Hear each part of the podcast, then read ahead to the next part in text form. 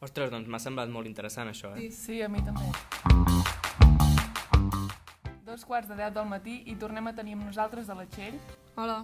en Jordi Bon dia. i a l'Èrica. Bones. I això és especialment. Doncs bé, Èrica, avui ens vens a parlar d'un síndrome bastant curiós, no? Sí, curiós tam- i també poc conegut. És el síndrome de Cotard. Pel nom no en podem saber gaires pistes, veig. Exacte. De fet, el nom és el del primer pacient que va patir aquesta malaltia. Sol passar això amb noms de síndromes. Sí, és molt freqüent, la veritat. Bé, doncs aquest síndrome fa que els pacients creguin que són cadàvers, és a dir, que estan morts. Això es coneix com a hipocondria, que és quan hi ha una preocupació a patir una malaltia que no tens fins a tal punt de pro- poder crear símptomes falsos inconscientment. Mira, això passa amb el Covid. Sí, a la que tens tos, tothom a córrer. Exacte. Doncs ve a ser el mateix. De bones a primeres és difícil imaginar-te una persona que es cregui que està morta, és a dir, què li passa o què fa al seu dia a dia. Personalment me l'he imaginat dormint. Sí, com en coma.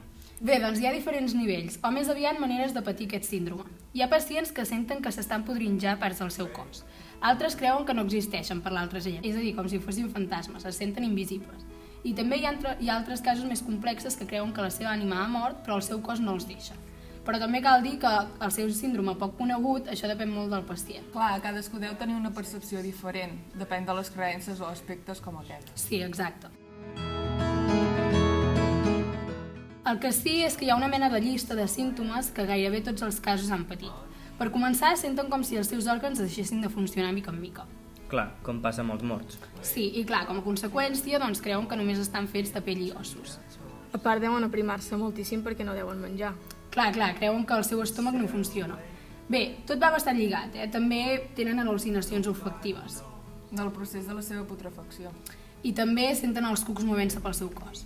Com que veuen que el seu cos segueix en vida, moltes, molts es suïciden perquè tenen por de ser una ànima en pena i el que és més fort és que creuen que la gent del seu voltant també ha mort. Tenen persones amb les que parlen o no es comuniquen amb ningú? Doncs suposo que amb això últim que has dit hi deu haver persones que sí, no? Sí, de fet solen ser les parelles o algun fill. Clar, gent pròxima. I d'on apareix aquest síndrome? Molts cops pot ser d'accidents, conseqüències d'altres malalties, mentals, drogues... De fet, com moltes altres malalties mentals. Exacte. I hi ha cura o tractament? Sí, més o menys. Vull dir, depèn del pacient i del psiquiatre, però sol, es solen receptar antidepressius, antipsicòtics o també teràpia electroconvulsiva. De fet, no sé si sou fans de les sèries d'hospitals, però a la sèrie de Ne- de Netflix New Amsterdam surt en un capítol el cas d'un home amb aquest síndrome. Crec que és del principi. Ostres, doncs ara que ho dius em sona, que es van anar a enterrar. Sí, aquest. Clar, suposo que la sèrie ho van representant el cas més extremat. Sí, però... Clar, també pot arribar a passar. Exacte.